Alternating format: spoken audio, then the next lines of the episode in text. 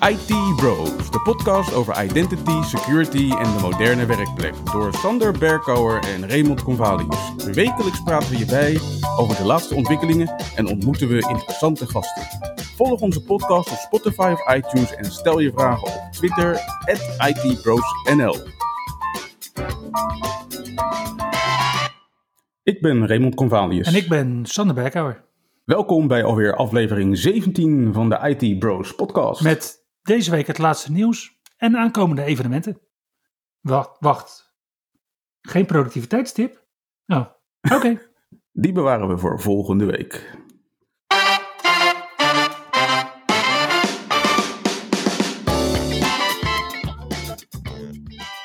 Deze week was Microsoft Build, het jaarlijkse evenement waarbij Microsoft alle ontwikkelaars vertroetelt.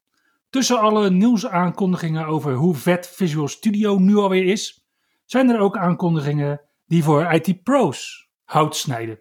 En wat mij opvalt is dat Microsoft aangaf te stoppen met de Azure Blockchain Service een tijdje geleden. Maar dat we nu inderdaad op beeld aankondigingen zien voor Azure SQL Database Ledger en Azure Confidential Ledger. Met de mooie afkorting ACL, wat in mijn woordenboek nog steeds echt iets heel anders betekent. Maar als we het hebben over die SQL Database Ledger en over die ACL, dan kun je met allebei die oplossingen bewijzen dat je gegevens integer zijn. Er kan gewoon niet mee worden gesjoemeld. En het zijn allebei oplossingen op basis van blockchain. Dus waar Azure Blockchain Service waarschijnlijk meer een soort infrastructure as a service, een soort IaaS oplossing was, lijkt dit veel meer PaaS, dus platform as a service oplossingen. En wat je dus ziet is dat beide dus die blockchain gebruiken, maar de een is op basis van SQL, dus met gestructureerde data, en de Azure Confidential Ledger, de ACL, dus voor ongestructureerde data. Ja, en ik denk dat het grote verschil is dat SQL blijft een soort van centrale oplossing. Terwijl de confidential ledger een decentrale oplossing is. Ja, inderdaad, de trend waar we het een tijdje geleden ook al over hadden met identity. Inderdaad. Nou ja, dat was niet het enige nieuws van uh, Build. Er werd onder andere een uh, uitbreiding uh, aangekondigd van Azure Defender. Azure Defender was er al onlangs al voor SQL en is er nu ook voor open source databases. Dus inmiddels is er ondersteuning voor MySQL, PostgreSQL en MariaDB. En uh, daarmee kan je onder andere detectie doen van brute force attacks op databases en behavioral alerts uh, genereren wanneer er vreemd gedrag plaatsvindt op je databases. Ja, dat zijn niet de enige identity en security gerelateerde nieuwigheidjes vanuit beeld. Want we zien inderdaad ook dingen als conditional access evaluation. We zien dingen rondom de authentication context in conditional access zien we nu ook inderdaad allemaal uh, richting preview verschuiven, waardoor iedereen er nu mee kan spelen. Het worden zeer interessante tijden voor de mensen die zich met security bezighouden. Daarnaast uh, zag je op beeld ook nog wat hardware nieuws. Namelijk, er komt een uh, Snapdragon Development Kit aan voor Windows on ARM. Dus ja, een, een stukje hardware. Het, het, leek voor mij een beetje op een Intel NUC, maar dan dus niet van Intel waarop je uh, Windows on ARM kan gaan draaien. Waarmee in ieder geval ontwikkelaars een prijstechnisch aantrekkelijk alternatief moeten hebben om hun ontwikkeling te gaan doen voor Windows on ARM. Er is nog niks bekend over de SOC die erin zit of de hoeveelheid memory. Maar het is wel bekend dat deze zomer deze hardware beschikbaar moet komen. En dat we dus met z'n allen kunnen gaan spelen met Windows on ARM. Maar kunnen we dan ook al spelen met x64-emulatie op ARM. Nou, er worden al testen mee gedaan. Dus uh, het is wel de verwachting dat, dat dit met name daarvoor onder andere gebruikt moet gaan worden. We kunnen waarschijnlijk nog geen performance verwachten die zich laat meten met die van de inmiddels beroemde M1 van Apple. Maar we kunnen in ieder geval gaan stoeien met nieuwe hardware en nieuwe mogelijkheden. Gaaf. Wat we ook zagen was de aankondiging voor Microsoft Edge versie 91 vanaf volgende week. Dus deze aankondiging staat een beetje los van Microsoft Build, maar wel een belangrijke voor IT pros. Want wat we in versie 91 zien, en ik pak even mijn aantekeningen erbij, een bullet listje. We zien namelijk uh, Startup Boost, dus Edge start gewoon sneller dan Chrome. We zien slapende tabbladen, niet alleen voor ambtenaren, maar voor alle andere mensen die wel prijs stellen op een beetje rust in Edge. En wat we zien is dat felbewegende reclameblokken en dat soort dingen worden allemaal ook in slaap gesust. Dus je ziet het ook daadwerkelijk terug in het CPU-gebruik. Ik draai al een tijdje de development versie van Edge. Dat is nu versie 92. En als ik dan kijk wat er aankomt in Edge, dan, ja, dan word ik daar ook wel weer heel blij van.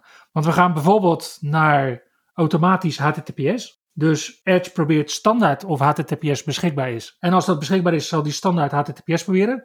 Dus dat heet niet op basis van de security headers die de server meegeeft. Require authentication before autofill. Is handig als je nu al je wachtwoorden in Edge hebt. Want dat betekent dat je bijvoorbeeld nog een keer Windows Hello for Business moet doen voordat je toegang hebt tot je wachtwoorden. Eigenlijk hetzelfde zoals dat nu op iOS ook het geval is. Daarnaast kunnen we wiskundige problemen oplossen in de browser. Ik vraag me af of de school van mijn dochter daar zo blij van wordt. Maar we zien ook thema's en verbeterd zoeken in de browsergeschiedenis. Dus je hebt nu nog meer redenen om je browsergeschiedenis vaker te wissen als je niet wil dat daarin wordt gezocht. En ja, zoekmechanismes kunnen altijd verbeterd worden bij Microsoft. Maar misschien dat deze keer dat je inderdaad wel heel snel kunt zien naar welke ongewenste websites je misschien wel bent geweest. Ja, dat is altijd een, uh, een uitdaging geweest op Microsoft producten. Zoeken, zoeken en vinden. Zoeken lukt wel, vinden is een, een ander verhaal. Jij weet net zo goed als ik dat er maar één product is uit de hele Microsoft Redmond stal met een vindknop, namelijk Active Directory. Goed, we gaan het zien. In ieder geval, de volgende versie van Edge komt eraan. En uh, er zitten een aantal interessante ontwikkelingen in. Een andere mooie ontwikkeling is uh, de release van Windows Package Manager. Namelijk versie 1.0 is inmiddels beschikbaar van de zogenaamde WinGet client. En die maakt het dus mogelijk om uh, applicaties die vanaf het internet komen te installeren vanaf de command prompt. De Windows Package Manager is al beschikbaar voor de mensen die gebruik maken van de insider builds van Windows. En als je nog geen insider build draait, dan kan je de package manager installeren vanuit de Windows Store. En die package manager, oftewel de Winget client, die maakt gebruik van een, ja, flink groeiende community repository. Met applicaties die je dus zo vanaf de command line eenvoudig kan installeren. Dus binnenkort kan je bijvoorbeeld Chrome installeren vanaf de command prompt door gewoon te zeggen winget Chrome. Of niet. En daarmee heb je dus gewoon heel snel je applicatie draaien. En hoef je dus niet eerst Edge te starten om een andere browser te installeren. Ja, je wilde zeggen Internet Explorer, hè? Je wilde het zeggen. Maar dat doen we niet meer, hè? Vanaf uh, juni volgend jaar. Nee, dat wordt, dat wordt ons nieuwe mantra, inderdaad. Met de Windows Package Manager kun je nu Chrome installeren zonder Edge te hoeven gebruiken. Inderdaad. Nou, en daarbij probeert Microsoft eens makkelijk te maken voor je om je eigen packages toe te voegen aan die community repository door de Manifest Creator preview beschikbaar te, te stellen. Dus daar, daarmee kan je je eigen packages gaan publiceren in de community repository. En wanneer je vindt dat de packages die je maakt alleen voor jezelf zijn, nou dan kan dat ook, want er zit inmiddels support in voor private repositories. Dus je kan ook gewoon je eigen repository eh, aanleggen om zeg maar bijvoorbeeld je bedrijfsapplicaties in op te slaan en beschikbaar te stellen. Ja, cool. Ja, als we dan toch op het uh, punt zijn van distributie, dan zagen we ook nieuws dat Microsoft stopt met de distributie van container images via Docker. En dat gebeurt al eigenlijk uh, ja, heel snel, want per 30 juni stopt Microsoft al met distribueren vanaf de Docker Hub. En wat ze dus eigenlijk zeggen is, als jij een Docker image wil voor een Microsoft product, dan kan je die halen bij de Microsoft Container Registry, oftewel mcr.microsoft.com, in plaats van nou ja, Docker Hub. En vanaf 1 juni, nou ja, je vraagt je natuurlijk af hoe gaan ze ervoor zorgen dat we inderdaad allemaal die switch maken. Nou, vanaf 1 juni, dus vanaf dinsdag, worden image pools vanaf Docker al gethrottled.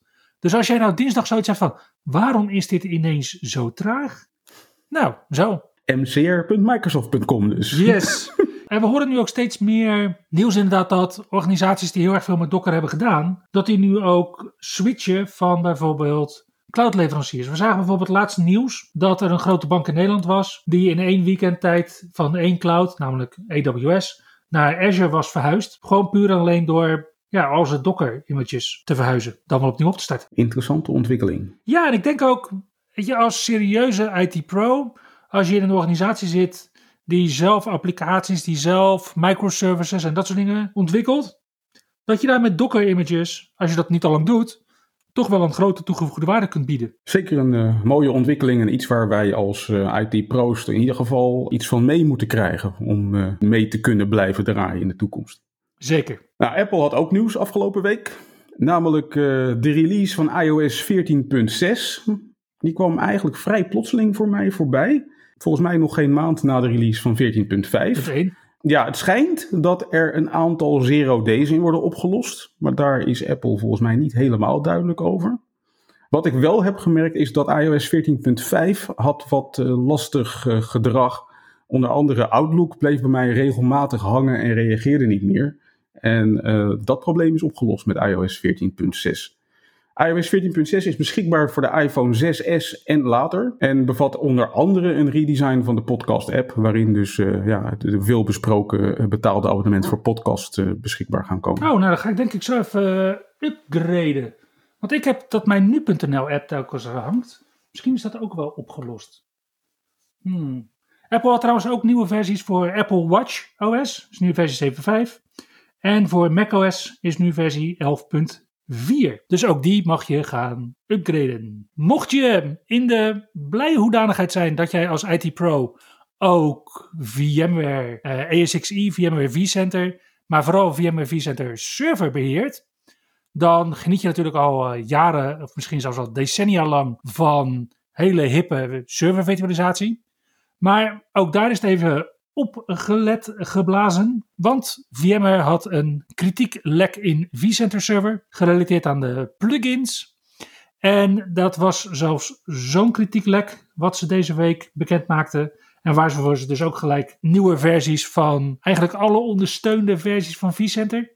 Dus 6.5, 6.7 en 7.0. Maar ook uh, van de Cloud Foundation 3 en 4 uitbrachten. Want ja, een aanvaller zou genoeg hebben aan toegang op poort 443 richting de vCenter server. En er gaan geruchten, maar ik heb niet gecheckt met Shodan, dat er ook organisaties zijn die hun vCenter servers rechtstreeks aan het internet hangen. Ben jij zo'n beheerder?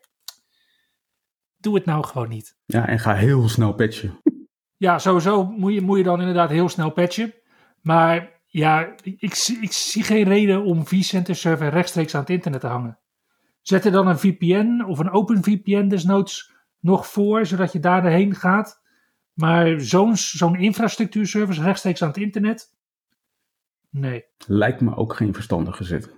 Nee, maar snel patchen is uh, zeker aan te raden. Ja, want uh, niet patchen kan uh, bijzonder kostbaar zijn, bleek wel weer de afgelopen week.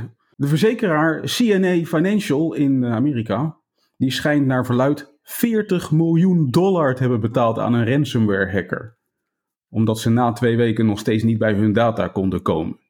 Uiteraard geeft eh, ook deze verzekeraar geen commentaar als hier vragen over worden gesteld. Maar eh, het blijkt wel dat uh, ja, de, de, de, de prijzen voor een ransomware hack lijken gewoon uh, toch wel in een stijgende trend door te maken zo langzamerhand. Ja, we zien, we zien ook andere trends inderdaad. we hadden de vorige keer bijvoorbeeld over, over de gezondheidsdienst van Ierland. En dat we daar inderdaad ook wel ons kunnen voorstellen dat daar bijvoorbeeld op een gegeven moment ook gewoon de mensen van die gegevens zelf worden afgeperst. De, de triple play methode. Ja, want ook dat verhaal is uh, nog niet voorbij. Het schijnt dat uh, de medische data daar gewoon ook gestolen is. En dat men uh, dreigt om die data openbaar te maken. En ondertussen heeft de minister daar gezegd van ja, wij gaan niet betalen. Mm -hmm. Maar ja, je zit natuurlijk wel in een, een hele last, heel lastig pakket. Als je als overheid eigenlijk verantwoordelijk bent voor deze data en dat die data openbaar dreigt te worden gemaakt omdat jij als overheid niet betaalt. Aan de andere kant wil je het overheidsgeld niet aan een stel criminelen afgeven. Nee, maar kijk, als we het dan toch over overheidsorganisaties zijn. Er zijn overheidsorganisaties die zich misschien nog wel veel dieper mogen schamen. Bijvoorbeeld de Belgische Federale Overheidsdienst van Binnenlandse Zaken. Zij zijn gehackt, maar de hackers zaten dus al 23 maanden binnen voordat ze werden opgemerkt. En dat is zelfs in deze tijden een echt lange periode. Er is, uh, er is onderzoek gedaan bij, bij deze overheidsdienst, want ja, ze dachten dat ze misschien wel gehackt zouden zijn met uh, een van de serie Exchange Zero Day kwetsbaarheden. Maar nou, dat was dan niet het geval, maar ze zagen wel hele subtiele indicaties dat er wel iets aan de hand was. Dat bleek dus deze bende te zijn die al ja, bijna twee jaar toegang had. Uiteraard wordt het weer gedownplayed, want ja, aanpalende systemen voor politiediensten, vreemdelingenzaken en verkiezingen zijn naar verluid niet geraakt. Maar jij met e-mail, weet ik niet of je dat zo, zo hard kunt maken, zo droog kunt houden. Nou ja, als, uh, als een stel criminelen al twee jaar lang bij je binnen zitten, ja, dan weet je volgens mij helemaal niet waar, waar ze wel en niet uh, zijn geweest. Dus uh, het blijft gewoon een heel erg lastig verhaal. Wat ook een lastig verhaal is, is het feit dat na België ook Nederland is geraakt door een, ja, een serie ransomware op basis van Flubot en Anatsa, gericht op Android devices. Namelijk mensen kregen een sms-bericht om een fake pakketbezorg informatieappje te installeren op hun Android-machine. En deze app was vervolgens in staat om eh, bankrekeningen te plunderen en crypto-wallets leeg te halen. Uh, en stuurde ook vervolgens automatisch en onzichtbaar berichten naar al je contacten in heel slecht Nederlands. Om ook die andere contacten te uh, overreden om, uh, om die app te installeren. Het schijnt dat er inmiddels meer dan 10.000 mensen slachtoffer zijn geworden van deze malware. En het verwijderen blijkt ook nog gewoon zeer lastig te zijn. Namelijk de enige degelijke manier om van deze malware af te komen. Is door een complete factory reset te doen van je telefoon. Ja, terwijl ik ook hoorde inderdaad dat sommige mensen na factory reset inderdaad ook nog niet van deze ellende af zijn. Dus tienduizenden Nederlanders en reken er maar op dat er ook duizenden en misschien wel tienduizenden Belgen zijn inderdaad. Die deze ellende hebben. Die ja eigenlijk pas tot de conclusie komen dat dit voor hun speelt omdat ze op hun mobiele telefoonrekening, waar ze niet onbeperkt sms hebben, ineens honderden euro's aan sms-kosten zien. Ja, of nog veel erger. Als je denkt dat je een bank, bankoverschrijving hebt gedaan van 50 euro en er blijkt opeens 5000 euro van je rekening te zijn afgeschreven. Ja, dit is ook pijnlijk. Ja, of dat je crypto wallet ineens leeg blijkt te zijn. Oei, ja. juist. Ja, als je kijkt naar de koersen de afgelopen weken van crypto, dan Weet je, dan valt het mee. dan kun je zeggen, nou, dan ben ik maar de helft kwijtgeraakt misschien. Maar het blijft uh, heel pijnlijk. Mocht je als organisatie om dit soort dingen zorgen maken, dan heeft Microsoft nu een nieuwe tool sinds deze week. Die heet Simulant. En Simulant stelt je in staat om een cyberaanval te simuleren. Het is een laboratoriumomgeving die je kunt gebruiken, die nu in ieder geval Golden Sample attacks kan detecteren. Dat is wat er werd gebruikt bij de hack van SolarWinds bijvoorbeeld. En Microsoft geeft aan dat ze ook andere aanvallen gaan ondersteunen, gaan kunnen detecteren, gaan kunnen uitvoeren met de Simulant tool. En daarvoor hebben ze het open source gemaakt, want iedereen kan nu dus aanvallen toevoegen en daarmee simuleren. En dan komen we eigenlijk uit op de situatie waarbij je dus Simulant hebt voor Microsoft 365 en Cyber Battle Sim voor je on-premises omgevingen. Dus mocht je inderdaad gewoon eens willen weten, puur professioneel vanuit je functie natuurlijk, als IT-pro, of jouw omgeving wel of niet kwetsbaar is voor bepaalde aanvallen, dan kun je dat op die manier testen. En Ray, ik vind het wel interessant dat ze dus die Golden Samuel attacks uh, gaan testen en dat dat erin zit. Ja, het is de, de eerste simulatie die ze hebben toegevoegd aan uh, Simulant. Het is dus de bedoeling dat, dat er meer van dit soort attacks worden toegevoegd aan die omgeving. En ik heb het al heel even bekeken. Het ziet er best wel heel interessant uit. Want je krijgt dus een gesimuleerde uh, on-prem omgeving, een gesimuleerde cloud omgeving. Waarin je dus kan gaan stoeien, uh, die attacks kan gaan uh, uitvoeren. En vervolgens het ook kan, kan gaan bestuderen, het gedrag met onder andere Sentinel.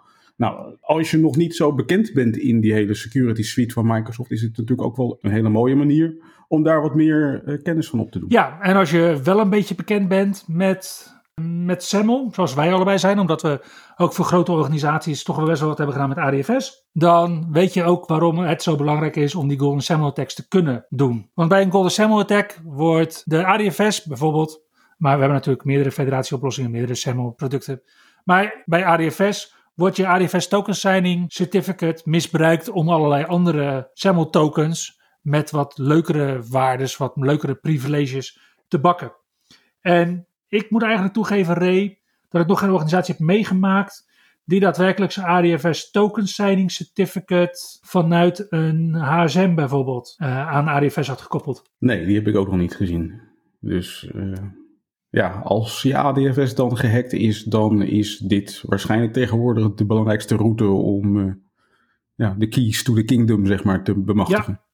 En dat betekent dus ook dat, en dat zegt Microsoft eigenlijk ook al bijna een jaar, dat als je geen echte goede reden hebt om op ADFS te blijven voor je Microsoft 365, voor je Microsoft Cloud diensten, ja, ga dan gewoon naar Password Hashing of naar Pass-Through Authentication. Gewoon native naar Azure AD. Ja, naar Managed Authentication noemen ze dat inderdaad bij Microsoft. Inderdaad.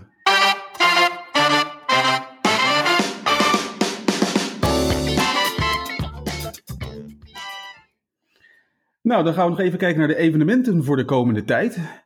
Op woensdag 9 juni is het weer tijd voor D-Dog. Op dit evenement is het vanaf 19 uur, oftewel 7 uur s avonds, tijd voor twee presentaties, waarvan er één is van Stacy Cashmore, How to Really Work as a Team, en eentje van Mark Duiker over Azure Function Update Twitterbot, een Twitterbot applicatie die hij heeft geschreven. Dus te zien op 9 juni vanaf 7 uur. Cool. De Workplace Ninjas hebben ook weer een berg aankondigingen gedaan. En de eerste webinar die er weer aankomt is op dinsdag 8 juni. Dus ja, je kunt uh, gewoon lekker los die week. De Workplace Ninjas uh, doen eigenlijk alles organiseren tussen 4 en 6. Dus je kunt daar uh, ja, lekker van genieten tijdens je laatste uurtjes als je behoort tot de latere lichting op kantoor of zelfs thuis. Op 8 juni hebben ze een sessie over Teams Phone System. En dat is een must-have voor de moderne werkplek. En die wordt gepresenteerd door Thorsten Pikhan en Michael Pletner. En Michael is een, uh, een MVP. En op dinsdag 6 juli, dus dan kijken we al een heel stuk verder, is het vanaf 4 uur feest bij de Workplace Ninjas. Want dan komt Jeremy Moskowitz langs, Mr. Policy Pack. En Jeremy heeft het over how not to get hacked. En hij geeft recommendations from an actual attacker. Namelijk een, een lid van een ransomware-bende of voormalige ransomware-bende. Die op die manier gewoon 4 miljoen dollar heeft buitgemaakt. In deze sessie laat Jeremy ons zien hoe we ons daartegen kunnen wapenen. En ik weet zeker dat Jeremy ons kan uitleggen dat we veel meer kunnen doen dan alleen de Russische toetsenbord-layout toevoegen aan onze Windows-installaties. Ja, en ik kan erbij vertellen dat uh, Jeremy absoluut een hele leuke spreker is. Dus uh, bereid je voor op een uh, op ja, twee uur lang amusement, zeg maar, op dinsdag 6 juli. Zeker weten. Ja, Ray, normaal zouden we nu de productiviteitstip doen. Ja, ik ben, ik ben even door de tips heen voor deze week. Maar uh, ja, als er een luisteraar nog een leuke tip voor handen heeft, dan hou ik me aanbevolen. En anders uh, bedenk ik er zelf weer eentje voor volgende week. Cool. En daarmee willen we jullie bedanken voor het luisteren naar deze aflevering van de IT Bros podcast. En hoop ik dat jullie volgende week ook weer luisteren, ondanks deze faalactie van Ray dus. Je luisterde naar IT Bros, de wekelijkse podcast over identity, security en de moderne werkplek. Abonneer je op Spotify, iTunes of Google Podcast als je de volgende aflevering niet wilt missen. Heb je hints of tips? Laat dan van je horen op Twitter. @itbrosnl.